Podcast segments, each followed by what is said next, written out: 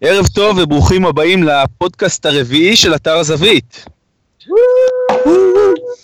נמצאים איתנו היום אה, שני אנשים שספורט זורם בעורקיהם. אה, הראשון בסנדר רנדומלי, אלוף כרמיאל בדוקים לגילאי 6-7, איתי ארליך, ערב טוב.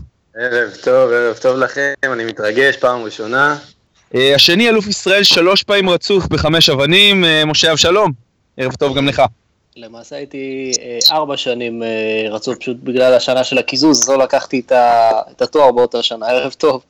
ערב טוב. טוב, אז יש לנו אה, המון נושאים על הפרק, אה, ואני מציע שנתחיל עם גמר ליגת האלופות שהתקיים בשבת, והפגיש את אה, שתי היריבות המרות ממדריד. איתי, קריסטיאנו רונלדו הצהיר לפני המשחק שהוא מעדיף לזכות בליגת האלופות על פני הליגה המקומית.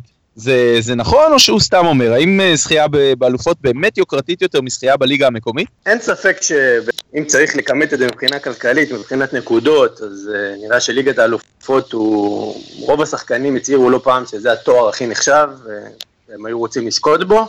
עם זאת, אני חושב שמדובר במשהו שהוא תלוי סיטואציה. אם יש קבוצה, לצורך העניין, כמו מנצ'סטר יונייטד, שהרבה שנים לא זכתה בליגה המקומית, אז היא תרצה לזכות בליגה המקומית, וזה, וזה עניין של סיטואציה, זאת אומרת... אה, אני חושב שריאל מדריד אה, אה, שנה הבאה ירצו לשים את כל הכוח שלהם בשביל לזכות בתואר המקומי, וזה מאוד תלוי בסיטואציה, אני מסכים איתו בגדול.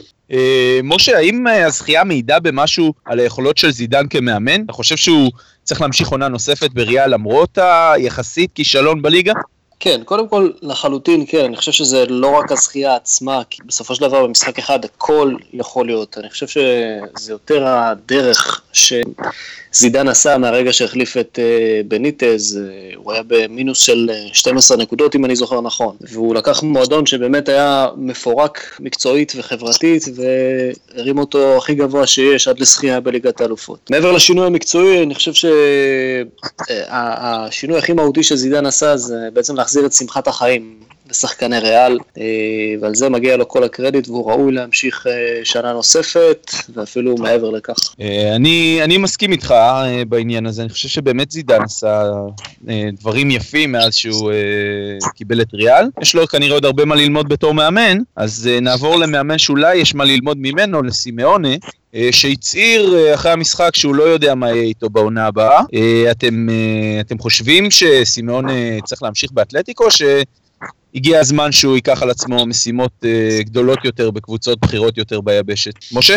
לגבי סימאון, אני חושב שסימאון uh, עשה משהו באתלטיקו שהוא באמת, הוא לקח את uh, אחת הקבוצות הכי לוזריות בספרד ובאירופה בכלל ועשה מהם uh, מעצמת על. זה, זה, זה, זה, זה עניין מאוד אינדיבידואלי, זאת אומרת אם סימאון רוצה בכל זאת לסגור את המעגל הזה ולהביא את גביע האלופות בסופו של דבר לאתלטיקו מדריד, אז הוא צריך להישאר, אבל אה, גם אה, לחפש אופציות אה, חדשות יכול להיות, יכול להיות שינוי מבורך בשביל סימאונה. כן, איתי? צריך לקחת את הדברים שסימונה אומר, או שהוא הצהיר לפחות אתמול בערב, כמשהו שיותר נבע מהאכזבה שלו להפסיד שתי גביעי אלופות יחסית בצורה דרמטית, בתוך שלוש שנים, זה משהו שהוא קשה, ואני חושב שהוא פשוט, אתה יודע, אמר, אתם יודעים, הוא מה שנקרא בשעת צרה, אבל אני חושב שהוא מתאים לאתלטיקו, הוא יודע שהוא מתאים לאתלטיקו, אה, ואני חושב שבסוף שהוא יעשה את החושבים שלו, הוא, הוא, הוא, יישאר במועדון הזה. אמ, אני, אני מסכים, אני גם חושב ש, שרוב הקבוצות הגדולות, אה, משרות המאמן שלהם מתחילות כבר להיסגר, אז, אה, אז יכול להיות שעוד עונה באתלטיקו באמת תעשה לו טוב. תגידו, אתם, אתם חושבים ששיטת הפנדלים אולי היא קצת אכזרית מדי? אולי שווה סוף סוף לשנות אותה, למצוא איזשהו, אה, איזושהי נוסחה אחרת בשביל לקבוע מי מנצחת משחקים כאלה? אני חושב שזו שאלת ה... שאלה שכבר חוזרת ועולה על הפרק כל הזמן. פעם היו מטילים מטבע, ושיטת הפנדלים היא הרבה יותר ספורטיבית מהטלת מטבע. זאת אומרת, עד שלא ימצאו איזו שיטה טובה יותר, אני פעם היה לי רעיון שפשוט ישחקו עד שיפקיעו גול. יכול להיות, אה, זה יכול להיות כמו קריקט בסוף, הדבר הזה. אני, אני, אני פשוט חושב שברגע שקבוצות ידעו שהמשחק אה, לא נגמר עד שהם מגיעים, אז הם ישחקו בכוונה להפקיע. אז אני חושב שזה רעיון שיכול להצליח, רק גם לא צריך לעשות איזו הגבלה מסוימת, כי מתישהו הקהל אה, יכול להימאס לו המשחק והכושר ייגמר או משהו כזה. אה, טוב, אה, נעבור קצת לזירה המקומית שלנו. ביום שלישי התקיים גמר הגביע, ועל אף שליטה מוחלטת של מכבי תל אביב במשחק, דווקא הירוקים ניפו בסוף את הגביע.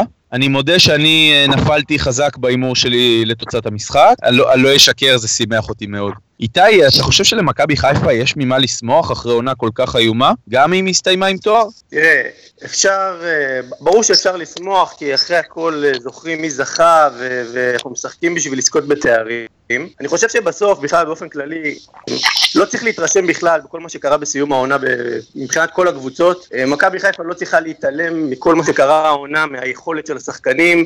הקבוצה עדיין לא קבוצה אה, מספיק בריאה וטובה. במשחקי הגביע בסוף מכבי חיפה לא הציגו איזה משחק, איזה, איזה משחק, משחק, משחק קבוצתי טוב ומשהו שיש עליו להישען עליו. זאת אומרת, יש כמה שחקנים שהם נקודות אור, כמו, כמו נטע לביא ופלט ו, ו, ו, וקצת דקל, אבל עדיין הקבוצה אסור לה להתעלם מכל מה שקרה כל העונה, ו, ו, וצריך לעשות uh, חושבים עמוקים ל...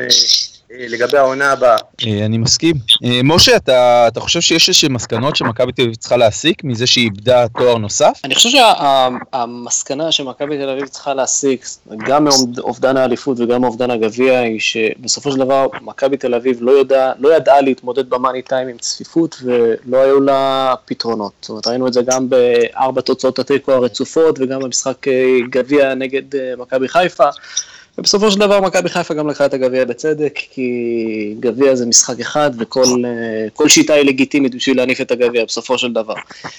בסופו של דבר מכבי תל אביב הפסידה את האליפות, כי היא לא ידעה להתמודד בציפות וגם את הגביע, ואני חושב שאם משהו ש... שאפשר לעשות לקראת העונה הבאה זה באמת לנסות לעבוד יותר ב... על שיטת משחק שתביא את הפתרונות לזה. מכבי תל אביב היא לא צריכה ללכת עכשיו למה שנקרא בעל הבית להשתגע. זאת אומרת, אני חושב שמכבי תל אביב עדיין יש לה שלט ובסיס מאוד טוב. יש בסיס מאוד טוב למכבי תל אביב. בואו בוא נדבר רגע על אה, סאגת חגיגות הזכייה בגביע של מכבי חיפה. אתם חושבים שבניון אה, שגה בהתנהלות שלו, שמכבי חיפה אולי הייתה צריכה להתנהג אחרת בכל הסיטואציה הזאת, משה? אני חושב שבניון אה, שוגה כבר שנתיים. זאת אומרת, יוסי בניון הוא שחקן גדול לכל הדעות, שחקן הכי בולט של מכבי חיפה בעונה הזאת, אבל בשנתיים האחרונות יוסי בניון מבחינת ההתנהלות שלו עשה את כל הטעויות האפשריות.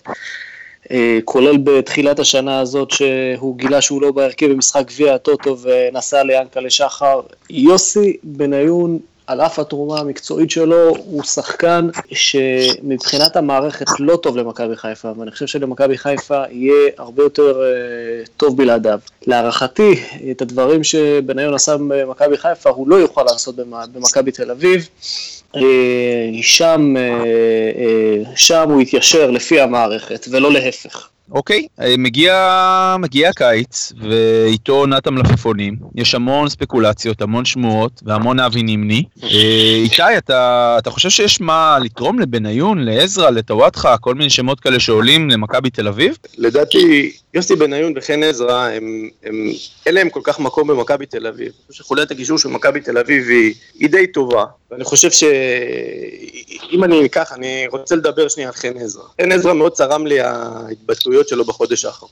הוא במהלך העונה ובמהלך שנתיים האחרונות שחקן מאוד כישרוני, והוא פשוט לא מקבל, קבלת ההחלטות שלו במשחק היא מאוד, מאוד לא טובה. ובחודש האחרון, אה, מה שנקרא, הוא קיבל את ההזדמנות ושיחק טוב, ועכשיו פתאום הוא בכותרות, ופתאום מכבי תל אביב מעוניינים בו. אני לא חושב שיש לו מקום במכבי תל אביב, או ב, ב, אפילו בהפועל באר שבע, אז בחוליית הקישור אני לא חושב שמכבי תל אביב צריכה חיזוק, אני חושב שטרוואטחה הוא חיזוק מצוין למכבי תל אביב, אני חושב שעמדת המגן השמאלי היא בעייתית במכבי תל אביב, אני חושב שזה יהיה חיזוק מצוין בשבילם. לגבי השניים האחרים, אני לא, לא רואה פה איזה, איזה משהו יוצא דופן. אני, קודם כל איתי, אני, אני מאוד מסכים עם הדברים שאיתי אמר, גם בנוגע לטוואטחה, שיכול להיות, בעיניי לפחות זה הרכש הכי משמעותי שיכול להיות למכבי תל אביב העונה הזאת, כי אני באופן אישי לא זוכר אה, בהיסטוריה קבוצ, אה, קבוצה שהיו לה באמת שני מגנים תותחים בשני הצדדים. וה, אני כבר מפנטז על השילוב של אלי דסה בצד אחד וטוואטחה בצד שני.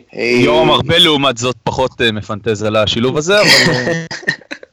כן, יש מצב, יש מצב. לגבי uh, בניון, אני אישית הייתי מעדיף לראות הרבה שחקנים אחרים במכבי תל אביב לפני בניון, אבל uh, שוב, כמו שאמרתי מקודם, אני חושב שאת הדברים שבניון עשה במכבי חיפה הוא לא יוכל לעשות במכבי תל אביב, וליוסי בניון צריך לזכור, יש יתרון אחד uh, בולט, מעבר להיותו שחקן טוב, יש ליוסי יתרון אחד בולט שיוסי uh, בניון, תשימו לב שרוב השערים שלו מגיעים ממצבים שהוא פשוט יודע איפה להתמקם.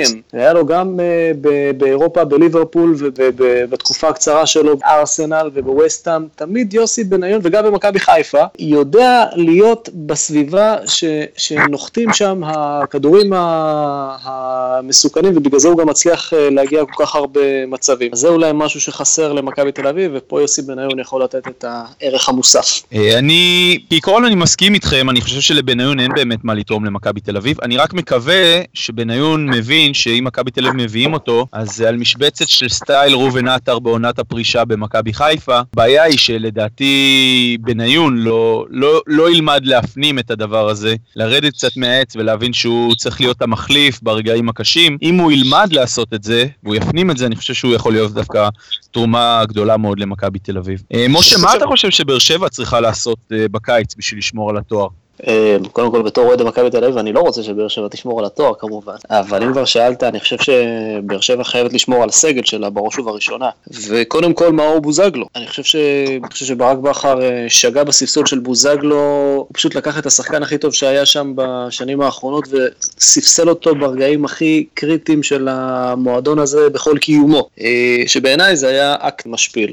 עם זאת, אני חושב שהתנהלות של אה, מאור ויעקב בוזגלו היא שגויה, כל ההצהרות האלה בתקשורת. אה, אם אתה שואל אותי מה נכון לבאר שבע זה שכל המעורבים בסיפור הזה צריכים אה, להוריד קצת מהאגו שלהם ולדאוג לכך שבוזגלו ימשיך בקבוצה, ואני בטוח שזה יהיה הדבר הכי טוב לשני הצדדים. אני חושב שכל הקבוצות בסוף שהן באות להתכונן לעונה הבאה, צריכות קודם כל זה לשמור על הסגל, זה מאוד תלוי מי יעזוב. בבאר שבע יש דיבורים גם על ג'ון אוגו שהוא יעזוב, הוא העוגן של הקבוצה הוא מניע את הקבוצה, ואני חושב שהם צריכים לעשות את כל המאמץ לשמור אותו. שבע אה, די עשתה טעות בנושא של דודו גורש, אני חושב שהוא לא מתאים לרמות האלה, אני חושב שמשחק הרגל שלו הוא לוקה בחסר, ולא פעם ראיתי שהוא מאבד כדורים, הייתה איזו הזדמנות פז להחזיר את מרציאנו. אין לי ספק שאלונה ברקת תשים את הכסף על דמארי או על תמוז ות, ותעבה בעוד חלוץ, וזה מאוד תלוי, אין לי ספק שהם יעבו את הסגל, השאלה איך זה ישפיע על שאר השחקנים. טוב, אז אה, ברשותכם בואו נעבור קצת לכדורסל. אז עונת הכדורסל הבלתי נגמרת מתקרבת, ככה לפחות אה, מספרים לנו לסיום. אה, והשאלה הגדולה אם הפועל ירושלים תצליח לנער את הפועל תל אביב, שממש אה, רוכבת עליה בסדרה מדהימה, או שבאמת נחזה פה בסנסציה והאלופה תעוף כבר בסיבוב הראשון בפלייאוף. משה, מה, מה אתה חושב? קודם כל בתור uh, מכביסט, נזכרתי במשפט של uh, גרי נבל, שאמר פעם שלבחור בין אליפות של uh, סיטי או אליפות של ליברפול זה כמו לבחור איזה בחור ישכב עם אשתך, אז מבחינתי לבחור בין uh, הפועל תל אביב להפועל ירושלים זה, זה אותו דבר מבחינתי. אבל uh, ברצינות, אני חושב, ש... חושב שהפועל ירושלים בסופו של דבר תעשה את העבודה ותעפיל, אבל מגיע קרדיט, uh, קרדיט ענק לשרון אברהמי ולשחקנים שלו על... אה, סדרה מצוינת, בין אם זה ייגמר בהעפלה או בין אם זה ייגמר בהדחה, אה, מגיע להם באמת באמת כל הקרדיט. כן, בכל מקרה, אני חושב שיהיה מעניין, אה, יהיו עוד סדרות מעניינות. לסיכום, איתי ארליך הוא כותב סדרת המאמרים, המאמרים המפורסמת, על, על סף רב מכר אפילו, דירוג הפרשנים. אז איתי, אחרי עונה ארוכה שעקבת אחרי כל הפרשנים בליגה, במשחקים בארץ ובחו"ל, יש לך איזושהי תובנה שהגעת אליה? הפינה הזאת היא נולדה, היא נושא נושא כאוב. זאת אומרת, לנו, האוהדי כדורגל, אה, אנחנו רואים את המשחקים ואנחנו רוצים לשמוע אה, פרשנות אה, נאותה, אובייקטיבית, מקצועית, ואני חושב שרמת הפרשנות בארץ היא, היא לוקה בחסר, ואני רוצה לקוות ש, שמתישהו הרמה הזאת תעלה ואנחנו נזכה לשמוע פרשנים אובייקטיביים, ראה ערך, או הדוגמה השלילית של אבי נימני. אני רוצה לציין לטובה פרשנים טובים, שלא יצא לי לסקר השנה, אייל לחמן, שהוא בעיניי... בעיניי הדמות המקצועית ביותר כפרשן, הוא מגיע מוכן למשחקים, זה תענוג לשמוע אותו. אה, תגלית השנה שלי בתור פרשן, שגם אותו לא יצא לסקר, זה אורי אוזן, שאני הייתי שמח לשמוע אותו מפרשן במשחקים מרכזיים. אה, אותם אה, לצורך השוואה, שאתה, שאתה מייצר איזה פינה ואתה מייצר איזה דירוג מסוים, אז אני מנסה להשוות ל, ל, לרמת הפרשנות בכדורסל. רמת הפרשנות בכדורסל היא, במיוחד בארץ, היא ברמה מאוד גבוהה. אתה רואה פרשנים שמגיעים מוכנים למשחקים, מכירים את השחקנים, ברובם אובייקטיביים, ופשוט מעבירים לצופה ניתוח מקצועי ש- ש- שתורם לצפייה. אני חייב להגיד שאתמול בגמר ליגת האלופות אני הנמכתי את הטלוויזיה, וזה הפך להרגל, אה, להרגל שלי בשנים האחרונות. פשוט לא לשמוע את הפרשנים של הכדורגל, וזה מזיק, וזה מזיק, כי הרייטינג של הכדורגל לא ירד בגלל רמת פרשנות נמוכה, וזה פשוט פוגע בחוויית הצפייה שלנו. אם אפשר להוסיף עוד משהו קטן על העניין הזה, אני אה, רוצה להגיד בהקשר של אה, פרשן מסוים של מוטי וניר, שבעיניי מוטי וניר הוא אחד הפרשנים הכי אה, מקצועיים וענייניים אה, בטלוויזיה, ואני חושב שזה יהיה נורא מעניין, מוטי וניר תמיד אומר את כל הדברים הנכונים. אני חושב שזה המעבר הזה מכורסת הפרשן לקווים בקריית שמונה יהיה מאוד מעניין, כי אז אנחנו באמת נוכל לראות אם באמת קל ליישם את הדברים כמו שזה קל לדבר עליהם. יהיה בעיקר מעניין לראות מתי איזי שרצקי יפסיק להזמין את איווניר לארוחות יום שישי. נראה מתי זה יקרה. אה, לסיכום, אה, שאלת בונוס אה, לקראת היורו הקרב ובא. באיזה שלב אתם חושבים שנבחרת אנגליה תעוף הפעם? ההימור שלי שהיא לא עוברת את רבע הגמר הפעם.